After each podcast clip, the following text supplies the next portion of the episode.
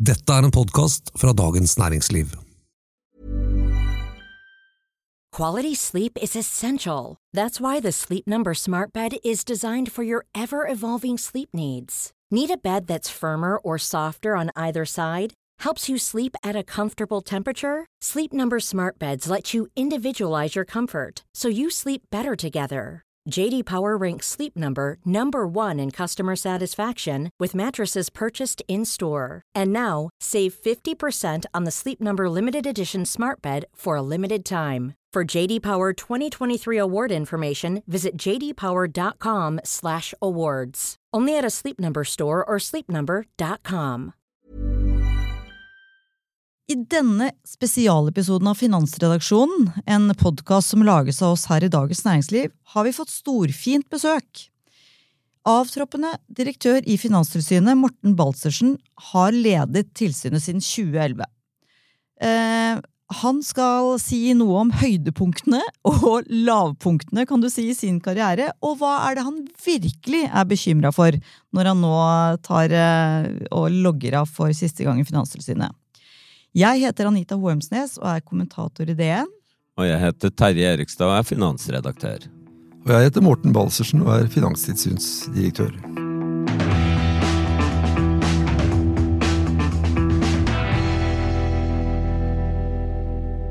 Enn så lenge, si. Tusen takk til for at 15. du, august. Ja, til 15. august. Eh, tusen takk for at du vil eh, være med oss her i dag. Vi er jo litt nysgjerrig. DN er vel sikkert den mediepublikasjon mediepublikasjonen eh, som har dekket har nevnt ditt navn oftest, vil jeg tenke. For du har liksom vært borti veldig mye av det vi skriver mye om. Men i denne perioden, da, siden 2011, så har du vært bekymret for at husholdningenes gjeldsvekst er for stor, og du har beskrevet hva Eller Finanstilsynet, jeg personliggjør Finanstilsynet gjennom navnet, bare så du er klar over det, og beskrevet hva som vil skje dersom mange misligholder lånet sitt. Det har fortsatt ikke skjedd, til tross for en voldsom vekst i gjeld. Tenker du at bekymringen er bortkastet? Litt sånn som foreldre kan føle det vet du, når de bekymrer seg for barna sine, og så ser du ja, det gikk jo bra likevel. Nei, det å peke på risikofaktorer både på dette området og andre, områder, som Finanstilsynet jo må gjøre, er ikke bortkastet. Og denne risikoen, at husholdningene i Norge har høy gjeld, og at vi har høye eiendomspriser, og dette har vokst eh, mer eller mindre uavbrutt siden den store bankkrisen på begynnelsen av 90-tallet, det kan nok eh, gjøre det krevende å få fram eh, budskapet. Men samtidig er det jo nødvendig, for vi vet jo av historisk erfaring at syklene her kan være eh, lange og fallhøyden stor, men det blir jo lett glemt hvis det er lenge siden sist eh, en hadde en krise. Du er jo en av dem, Terje, som har skrevet at eh, nei, nei, disse stresstestene, og tror vi virkelig at 5 renteøkning, og nei, det kommer aldri til å skje. Men vi er jo på vei. Ja da, jeg, jeg skrev at eh, det var helt urealistisk, det kravet som eh, Finanstilsynet hadde i sin stresstest, nemlig at låntakere skulle eh, klare en umiddelbar renteoppgang på fem prosentpoeng. Og der vet jeg at du, Morten, du, du er litt uenig i den vurderingen det kom med der. Ja, at eh, det var plausibelt at rentene kan gå opp eh, med fem prosentpoeng i løpet av kort tid, eh, det har vi vel fått eh, sett nå. Ja.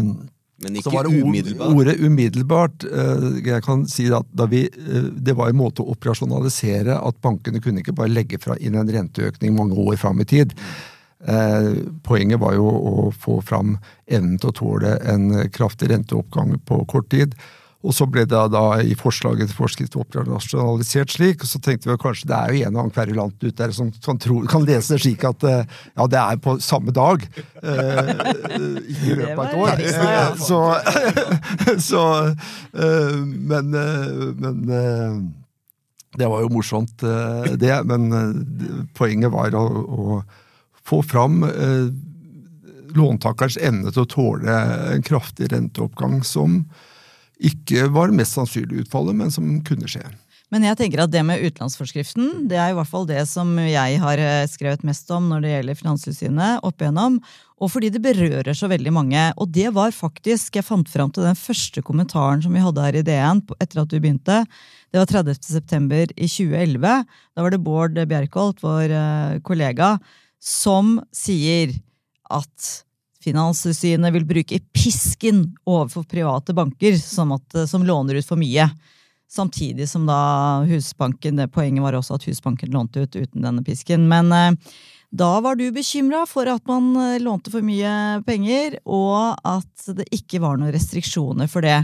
Og dette føles jo veldig lenge siden, for den utenlandsforskriften som altså setter krav til hvor stort lån du kan få, inkludert denne 15% egenkapitalen, og 5% høyere rente skal tåle det, og en del andre ting. Det var liksom det første ildåpen, og den, er det den saken som har liksom fulgt deg mest? det har vært et tema som har vært fremme eh, ofte, og med stor oppmerksomhet gjennom disse årene. Og vi har jo den samme diskusjonen faktisk nå også, med litt annet utgangspunkt nå da enn en den gangen. Eh, men eh, den gangen også var jo husholdningsgjelden i historisk sammenheng høy, og så har den vokst eh, mer etter det. Og boligprisene hadde vokst jevnt og trutt helt siden midten av uh, 90-tallet. og det var en liten knekk under den globale finanskrisen, men det tok jo ikke lang tid før boligprisene begynte å øke mye i Norge igjen. Så bekymringen var berettiget, i den forstand at det var en vesentlig risikofaktor. Vi var ikke alene med å påpeke den heller. Alle andre som ser på oss fra, fra utsiden, peker jo på dette. OECD pengefondet, Norges Bank er jo opptatt av dette, Finansdepartementet. Eh, og så har vi hatt en utvikling senere hvor det har vokst enda mer. Og viktige drivkrafter har jo vært eh, det er lav rente lenge, og en gunstig utvikling i norsk økonomi, som er bra at vi har hatt, med høy sysselsetting og god inntektsvekst, eh, har jo bidratt til at dette har fortsatt. Men det er samtidig slik at det er jo en fallhøyde i Eh, dette. da, At eh, husholdningene har så mye gjeld, og mesteparten av den flytende, har flytende rente. Og boligprisene, også næringseiendomsprisene, er i historisk sammenheng høye. Men la meg bare spørre, har du noe idé, eller har dere noe mulighet til å vurdere hva utlånsforskriften har betydd? Altså, du peker på at rent, gjeldsnivået er, er rekordhøyt nå til tross for utlånsforskriften, ville det vært enda høyere hvis vi ikke hadde hatt den? Det er veldig vanskelig å tallfeste effekten av det. Eh, vi, forskrift fikk jo først senere, den gangen i 2011, var jo eh, retningslinjer fra Finanstilsynet som Finanstilsynet fastsatte. Nå er det jo forskrifter fastsatt av, eh, av Finansdepartementet etter råd fra, fra Finanstilsynet. Og så er det de strammere, det vi har nå, enn det vi hadde den gangen i 2011. Eh, så er dette rettet inn mot de mest sårbare. altså Det er for å forebygge gjeldsproblemer hos de mest sårbare låntakerne. Eh, må huske på det, slik at eh, summen av gjeld kan, kunne fortsatt vært eh, høy. Også uten disse restriksjonene, får, med alle protestene som er, så får vi tro at det har, har reell effekt. Eh, det betyr jo at de mest sårbare låntakerne har kunnet låne mindre enn de ellers ville ha gjort, altså enn hva de ville ha kunnet fått gjort uten slik regulering. Men samtidig så har du jo liksom fått veldig altså Det er vel kanskje også den saken da, som du har blitt mest utsatt for lobbyvirksomhet. Og for politisk eh, ikke sant? Det er jo blitt så politisert. For du har jo kommet med egentlig strengere krav og ønska en enda strengere utenlandsforskrift enn det som foreligger i dag. Men først var det Siv Jensen som sa nei, og så var det Trygve Slagsvold Vedum som sa nei. Det, og det har jo blitt en sånn ja, politisert debatt, da. Hvor ubehagelig var det egentlig? Nei, det er ikke ubehagelig. Eh, det er jo et virkemiddel som er inngripende, som vi også selv understreker, og, og betyr mye for uh, låntakere eh, og også eh, banker. Så at det er stor politisk interesse knyttet til det, og også store interesser fra ulike interesseorganisasjoner og næringer, det er jo å forvente. Så det kan man ikke se på som ubehagelig. Men lever du fint med at liksom eh, Finanstilsynet blir oppfattet som alltid vil stramme mer inn, alltid vil liksom Alltid er bekymret, og, og så kommer Finansdepartementet og sier nei, ikke, det er ikke grunnlag for å være så bekymret. Hva, hva tenker du om denne si, rollefordelingen som er i systemet? Ja, Da er det ikke sånn at uh, Finanstilsynet alltid skal være strammere. Det har ikke en egenverdi. Vi, vi, uh, de virkemidlene vi selv rår over, fastsetter vi slik vi mener de etter beste faglige evne vurdering mener de bør være. Og de råd vi gir til politiske myndigheter, altså Finansdepartementet, det er jo etter beste faglige skjønn. Så vi ser ikke på vår rolle som å være en, noen som tar litt ekstra godt i, fordi vi vet at uh, i løpet av den politiske prosessen så blir, det, blir dette slipt litt uh, ned. Vi gir råd etter beste faglige Men da er Finansdepartementet mer slepphendte, da? Mener du det? Det er ikke sånne ord jeg vil bruke om det. Det er en annen uh, du kan velge vurdering. Dine ord. vurdering som, sånn er det noen ganger, at den politiske myndigheten har en annen vurdering enn det faginstansen gir råd om. Det er nok ikke spesielt for Finanstilsynets område, det. Nei, men, men eh, det er også kanskje eh, sånn at man tenker ja, vi kan, dette er det beste faglige rådet, men vi tror ikke det blir gjennomført, så er det da noe lurt å komme med det faglige rådet hvis dere tror at det ikke blir gjennomført? Ja, Finanstilsynet mener det at vi må gi det rådet vi mener er eh, riktig. For hvis en, en instans som, som, som, Finanstilsynet er, skal begynne å skjele til hva som er musikalsk, eller lytte til signaler, ta signaler, som det heter, eller prøve å, å gjennom rådgivningen sikte seg inn mot hva man ser er politisk mulig, eh, så eh, vil vi ikke gjøre jobben eh, vår. Men da, da, da egentlig slår meg at jeg må nesten spørre på vegne av lytterne, hva, hva er egentlig eh, mandatet til Finanstilsynet? Altså?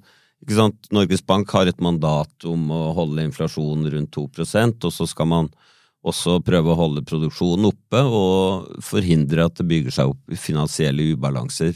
Hvis du skal liksom helt kort fortelle eh, lytteren, hva er, hva er, det mandatet du har jobbet etter i snart tolv år?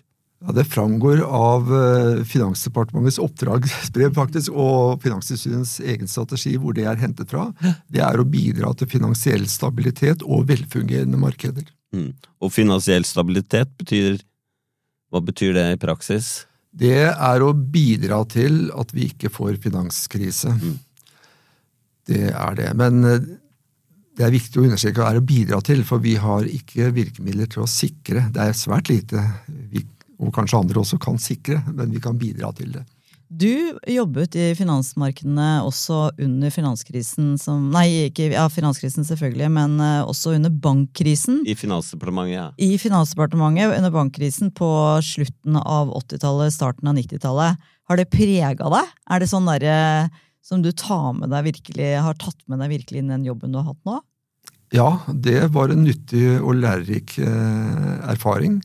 Det såkalte frisleppet på midten av 80-tallet, da kreditten eksploderte og eiendomspriser gikk til værs, så øh, var jo det en, en, et frislipp som endte da i, som det ofte gjør, da, med, med hard landing. og og krakk og bankkrise.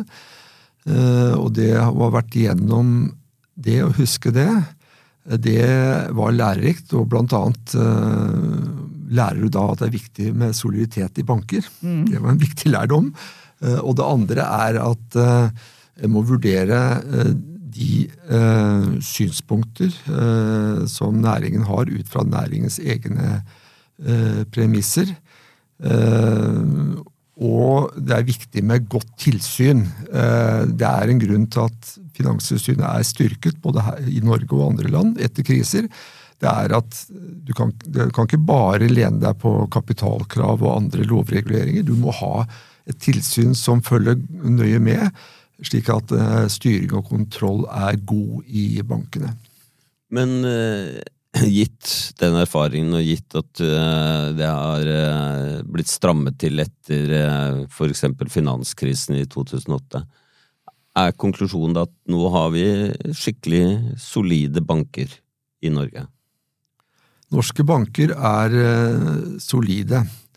Uh, det er uh, I årene etter den globale finanskrisen så ble soliditeten styrket. Og de siste årene har den vært noenlunde stabil. Og da legger vi særlig vekt på uvektet uh, kapitaldekning. fordi disse risikoveide kapitaldekningsmålene er jo veldig høye, men det skyldes at risikovektene er preget av uh, en lang tid med god økonomi i, i, i Norge og, og, lave tap. og da har vi et godt utgangspunkt i, i, Norge at bankene kan tåle tap, og, og da har de god inntjening, det er førstelinjeforsvaret.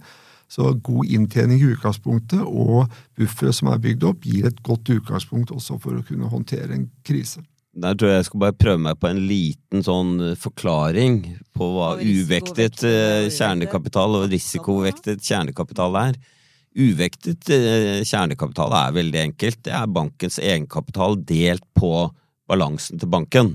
Da får du et tall, og for DNB så er det nå rundt 7-8 og det var før finanskrisen, tror jeg, var nede i sånn cirka fem. Eh, og så, så, får bankene lov til å redusere balansen, altså vekte balansen etter risikoen for eh, utenlandstap og andre typer risiko. Og da blir jo eh, nevneren eh, mindre. Og da blir brøken, eh, andelen, større. Så da forvandles da denne kjernekapitaldekningen eh, til DNB til eh, rundt 18-19% istedenfor de opprinnelige 7-8 eh, Planning for your next trip? Elevate your travel style with Quince. Quince has all the jet setting essentials you'll want for your next getaway, like European linen, premium luggage options, buttery soft Italian leather bags, and so much more and is all priced at 50 to 80% less than similar brands. Plus, Quince only works with factories that use safe and ethical manufacturing practices. Pack your bags with high-quality essentials you'll be wearing for vacations to come with Quince. Go to quince.com/pack for free shipping and 365-day returns. I'm Sandra, and I'm just the professional your small business was looking for, but you didn't hire me because you didn't use LinkedIn Jobs. LinkedIn has professionals you can't find anywhere else, including those who aren't actively looking for a new job but might be open to the perfect role, like me. In a given month, over 70% of LinkedIn users don't visit other leading job sites. So if you're not looking on LinkedIn, you'll miss out on great candidates like Sandra. Start hiring professionals like a professional. Post your free job on linkedin.com/people today.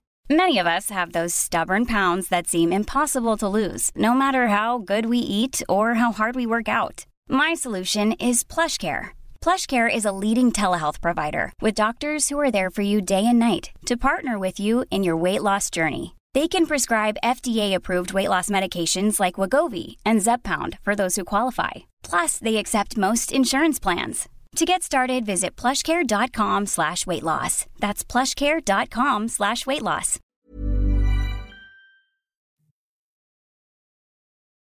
Nå må jeg bare sjekke med den som kan det. Var det rimelig dekkende, Morten? Den beskrivelsen jeg ga? Uh, ja, tilstrekkelig, tilstrekkelig, dekning. Jeg skal ikke nyansere hvordan dette eksponeringsmålet er for uh, de ulike kapitalkravsklassene. Og så er det litt forskjellige teller i, i, brøken også, men det trenger vi ikke gå inn på her. Nei, nå er vi nede i grøten, føler jeg. Men eh, apropos soliditet i bankene. Vi er jo som sagt og veldig godt vant til at norske banker er liksom dønn solide, og det fins ikke utlånstap, og, og alt har gått egentlig helt supert. Så kommer det plutselig på tampen av din eh, karriere i Finanstilsynet nesten sånn at det kan bli en ny bankkrise, og den kommer fra Silicon Valley Bank i eh, USA og Credit Suisse i Sveits. Altså, hva Det så nesten ut som det skulle bli en ny liksom, ordentlig krakk. Det var jo kjempebekymring og vill bonanza på børsene, og ikke bonanza, det motsatte på børsene. Så hvordan var stemningen i Finanstilsynet når dette skjedde, og hva, satt dere liksom en krisestab og bare alle andre prosjekter blei liggende, på en måte? Nei, det kunne vi ikke gjøre. Vi kunne ikke la være å ha tilsyn med andre eh, virksomheter enn bank av den eh, grunn, men det fulgte vi selvfølgelig særlig godt med på hva som skjedde i disse bankene, og markedsutviklingen. Fordi det norske finansielle systemet eh, er jo veldig avhengig av markedene ute. Vi er veldig integrert i globale markeder, så når, hvis det blir problemer der, f.eks. økte risikopremier, eller i verste fall at uh, kredittlinjer stenges og markeder bryter sammen, så vil vi bli berørt av det, sånn som vi ble høsten 2008. Så var det også en påminnelse om bankers iboende skjørhet. De er jo avhengig av tillit. De låner jo inn kortsiktig og låner ut langsiktig. Eh, og mister en bank tilliten, så eh, vil innskyterne ta ut midlene sine. Og da eh, understreker jo det viktigheten at, at, det er en robust finansiering. De er avhengig av innskudd, men at du har en robust finansiering, at markedsfinansieringen de har i tillegg ikke er for kort. Eh, og at de har likvide reserver, ikke minst, som de kan trekke på hvis de får den type likviditets, eller utgang av, av likviditet. Og det, det så vi på, selvfølgelig.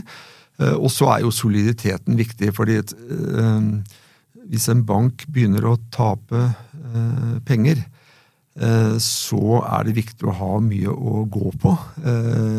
Så at du evner å bære disse tapene og fortsatt er i stand til å yte lån og betjene kundene noenlunde normalt. Men det du sier er at uh, norske banker er avhengige av utlandet. Uh, og da tenker du blant annet på uh, finansiering. så hvor viktig er det som det som skjer i utlandet, i utenlandske markeder, finansmarkeder og rentenivå og sånn, for det norske finansielle systemet? Vi er jo veldig integrert. Eh, både realøkonomien og det finansmarkedet i Norge er jo integrert i, eh, i eh, globale markeder. Og vi påvirkes jo på mange måter, men når det gjelder finansmarkedet spesielt, så, så vil jo altså økte kredittrisikopremier sammenbrudd i enkeltmarkeder, økte krav til sikkerhetsstillelse ved derivathandel, så det slår rett inn eh, hos eh, oss. Og det har vi jo fått illustrert eh, tidligere. Så er vi jo også avhengig av en liten økonomi som den norske. Så er vi jo selvfølgelig påvirket av renteutviklingen og inflasjonen i andre land. Mm. Det får vi jo demonstrert i disse dager. Absolutt. Eh, jeg tenkte jeg hadde lyst til å prate om en annen del av det som Finanstilsynet har ansvaret for, og det er jo forbrukerne. Altså hvordan eh, eh, hvordan vi forbrukere, eller småsparere eller privatpersoner, hva man kaller det, blir lurt til stadighet av ulike personer som har lyst å tilby deg de grønneste skogene og alt gull i verden, bare du betaler inn det, eller kjøper det produktet, eller sånn som vi også har skrevet om, disse finfluenserne som står frem på TikTok og lover eh, masse penger hvis du gjør akkurat som den personen. Og det var jo, var jo ganske massivt en periode når sosiale medier, eh, kom. Har dere nok verktøy til å hindre folk å eh, gjøre dumme investeringer? Å hindre folk fullstendig dumme det tror jeg ikke vi kan, og det er vel knapt noen som kan det. Det må vel folk selv passe på. Eh, men eh, myndighetene har jo en, en viktig eh, oppgave i å bidra til å forebygge svindel av den typen. Må jeg først nevne at Det er mange virksomheter vi som har tillatelse til å drive, og som vi fører tilsyn med, hvor vi også ser at investorbeskyttelsen og forbrukerbeskyttelsen ikke er godt ivaretatt. og Det ender jo også noen ganger med at vi må trekke tillatelser. Så vi følger jo opp, uh, opp, der. Og så er det de som da driver ulovlig, altså de som driver yter investeringstjenester uten å ha tillatelse til å gjøre det, eller yter lån uten å ha tillatelse til å, å, gjøre det, så uh, er det også noe vi uh, skal følge opp. Uh, så ligger det i den sakens natur at det er ikke alltid så lett å få god opplysning fra disse som driver slik. Eh, og vi har jo ikke politimyndighet, eh, så vi kan jo ikke gå inn, ta beslag, etterforske sånn som politiet kan. Men vi kan gjøre våre undersøkelser, og så kan vi da Stadig så advarer jo vi mot virksomheter som faktisk yter tjenester som ikke har tillatelse til det. Mange av dem er jo fra utenlands, utenlandske steder hvor de gjør det, og så er det de som driver her, som vi da spør om litt, og så kan vi pålegge stand, å stanse virksomheten, og det gjør vi jo stadig. Så er jo ikke alltid det blir etterlevd. Eh, og så politianmelder vi eh, noen. Men, men, det er jo en del av disse, så, så vi kan ikke følge opp alle slike saker. Vi følger opp noen. og Det er viktig å få opplyst dette godt, og det er viktig det pressen gjør, også for å opplyse publikum om denne svindelrisikoen. Og også eh, politi og andre myndigheter, forbrukermyndigheter også, må bidra til å opplyse folk. Det er jo det viktigste her i forebyggingen. Men kan du si noe om eh, hvordan dette har utviklet seg? Er det mindre eller mer av den type ulovlig eh, virksomhet nå enn før? Eh, det er jo, vi har ikke noe tall for dette, men den perioden med lave renter lenge gjorde jo at mange ønsket å få mer avkastning på, på midlene sine enn det de kunne få i banken. Og det har nok vært en, nok en driver i bånn her, og som har skapt da denne muligheten for også for kriminelle til å svindle folk som ønsket mer. og da Det enklere rådet som dere gir og, og andre gir, er at hvis noen lover at du kan få mer avkastning uten risiko, så er det feil. Ja. Det er ikke mulig. Det er ingenting som heter en gratis lunsj. Eh, det kommer forslag, det har jo, sant, Finanstilsynet er jo rigga sånn som dere har gjort, hvor dere har ansvaret for eh, ja, alt fra småspareren og til eh, livselskaper, pensjon, banker osv. Det har vel kommet forslag at man kanskje kunne dele det. At man har et tilsyn som tar seg av bransjen, sånn å si, og et tilsyn som tar seg av forbrukernes ve og vel. No, hva tenker du om det? Eh, det har vel aldri blitt fremsatt noe forslag om det. Eh, I den, det utvalget som vurderte finanskrisen tilbake i 2008 2009-2010, eh, var jo inne på og vurderte, vurderte spørsmålet, men, eh, men, ga ikke noe råd om det. Så er jo finanstilsynsloven nylig blitt utredet av et eget lovutvalg.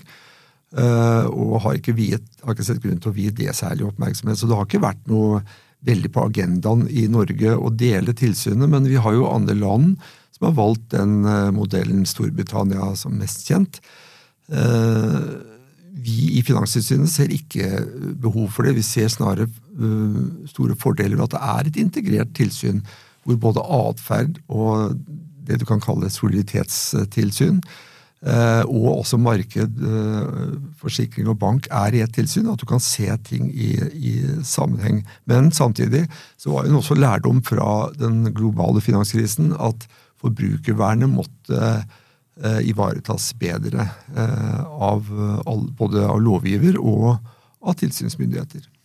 Men eh, Finanstilsynets rolle, dere er underlagt Finansdepartementet og kan bli instruert av Finansdepartementet. Men det er ikke, det er ikke sånn det er i andre naboland, Sverige, Danmark. Kan du, kan du si noe om hva, hva er liksom eh, det som skiller på en måte det norske finanstilsynet fra andre tilsvarende, og dine vurderinger rundt det? Finanstilsynet er underlagt alminnelig eh, instruksjonsadgang av politiske myndigheter, og det er en del av det norske systemet. Og sånn er alle eh, etater i Norge, med mindre instruksjonsadgangen er avskåret i lov, som, som noen har.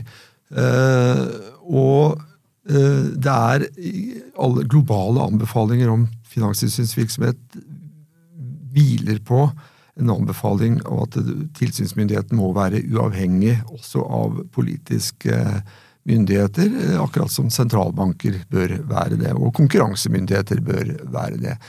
Eh, det er vi ikke i Norge, og dette har vært utredet nå av dette lovutvalget som jeg nevnte.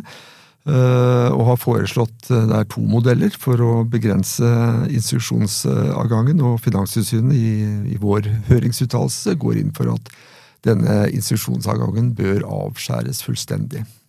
Helt. Ja. Da, skal, da har ikke liksom den til enhver tid sittende finansminister eh, noe man skulle sagt på disse utenlandsforskriftene, f.eks.? Jo, det kan det ha. fordi det er myndighet som er lagt til departementet, men den myndigheten som er lagt til Finanstilsynet, der skal du ikke da kunne instruere eh, dersom loven blir slik. Mm. Men altså, det som er lagt til departementet, det er lagt til ja. departementet. Men, men hva, hva, hvorfor mener dere det? Altså ikke bare deg, men også styret i Finanstilsynet at denne instruksjonsadgangen må avskjæres helt. Hva, hva, er egentlig den faglige begrunnelsen for Det er for at det skal ivareta hensyn som lett blir utsatt for press fra særinteresser, blant annet, og også politiske eh, vurderinger. Eh, som gjør at eh, samfunnet er best tjent med at eh, innenfor visse rammer så kan myndigheten ikke instrueres. Og Det er for å beskytte altså integriteten til tilsynsmyndigheten. Og det er jo også erfaringer fra mange kriser også, at, at det er viktig at du har en tilsynsmyndighet eh, som utelukkende baserer sin virksomhet på faglig grunnlag. Jeg tenker på at Da kommer vi litt inn på pandemien, for vi snakket litt i forkant her, og da var det noe du sa at eh, noe du angra på, kan vel ikke si, for du ligger vel ikke sånn våken om natta og tenker på dette her, antar jeg. Men, men, eh, men det, du sa rett og slett at under pandemien så gjorde Finanstilsynet en feil. Kanskje fordi presset var da altså Alle var jo i en litt spesiell situasjon der, men eh, press fra eh, politikere og andre. Vi ga et dårlig råd, ikke fordi vi var under press, på noen måte, men eh, vi ser i ettertid at vi burde vurdert det annerledes. og Det var da vi ga råd til Finansdepartementet om å øke fleksibilitetskvoten i låneforskriften. Altså gjøre at bankene kunne ha lånet flere uten å følge de bestemmelsene som ligger der. Eh, fra 10 til 20% og vår holdning da var at eh, det var et behov for at mange skulle få en ny låneavtale hvor de hadde avdragsfrihet. Eh, og en enkel måte å håndtere på det, det, på var å øke fleksibilitetskvoten. og da så, Vi så jo da at boligprisene falt de første månedene. Og så Vår vurdering da var at her er ikke noe umiddelbar fare for at det skal koke over. akkurat. Eh, men så så vi etterpå at eh, det kom jo rask fart i det boligmarkedet, så sett i ettertid så burde ikke det rådet vært gitt. Og rådet ble jo også fulgt av departementet, men det var vi som ga rådet. Så det har vi lært at også i sånne situasjoner så er det eh, fornuftig å ha litt is i magen. Jeg skulle bare litt tilbake til det med uavhengighet og at man skal unngå instruksjons, instruksjoner, da. Uh, og du sa uh, press fra utenforstående. Det er egentlig for å avskjære egentlig lobbyvirksomhet fra næringen, sånn at de kan prøve å omgjøre faglig godt begrunnede vedtak, rett og slett? For å si det rett ut? Ja, Det er samme grunn som at i konkurranselovgivningen, og der er jo EU-lovgivningen, så, så, er konkurransemyndigheten skjermet fra politisk institusjon. Og sentralbanker, det er grunnen til at uh, du har fått uh, sentralbankuavhengighet, er jo nettopp en erkjennelse av at det er en del beslutninger som politiske myndigheter Eh, har egen interesse av å ikke eh, blande seg inn i, i det løpende. Så, sånn operasjonell handlefrihet bør noen myndigheter ha. Nettopp. Veldig bra. Jeg bare Helt avslutningsvis har jeg bare lyst til å høre sånn eh, Hvis du klarer å summere elleve år opp i veldig noe kort, da. Så hva er det som egentlig Hva er det som, har, er det som liksom står igjen som det noe du virkelig husker? Enten om du angrer på det eller syns det var bra eller det var sjokkerende. Det har jo gått bra i norsk økonomi disse årene, og i norske finansmarkeder, og det skal en være glad for. Så på, i en forstand vært en, en, ganske stabil periode, selv om vi har hatt oljeprisfall og ikke minst pandemien, som var en alvorlig helsekrise, og nå krigen, som jo også er en selvfølgelig veldig alvorlig sak for, for samfunnet.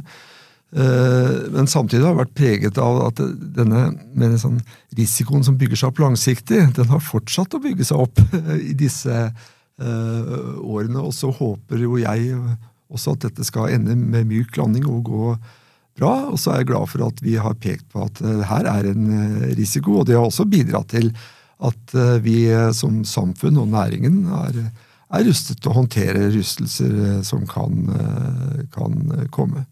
Ellers så er jeg fylt av takknemlighet for å ha hatt muligheten til å tjene samfunnet på denne måten. Og det skal du fortsette med, men nå fra Brussel, så da kan du jo bare se litt utenfor eh, landet da, hvordan det går med oss når vi sitter her på gjeldsberget vårt med stadig høyere renter. Tusen takk for at du ble med i podden vår, Morten Balsersen. Vår produsent i dag er Gunnar Bløndal. Takk for at du hørte på. Ha det bra.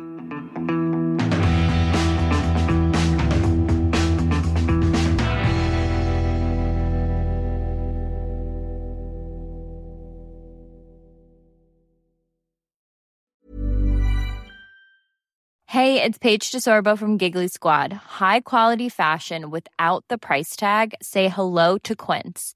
I'm snagging high-end essentials like cozy cashmere sweaters, sleek leather jackets, fine jewelry, and so much more. With Quince being 50 to 80% less than similar brands. And they partner with factories that prioritize safe, ethical, and responsible manufacturing. I love that. Luxury quality within reach. Go to quince.com slash style to get free shipping and 365 day returns on your next order.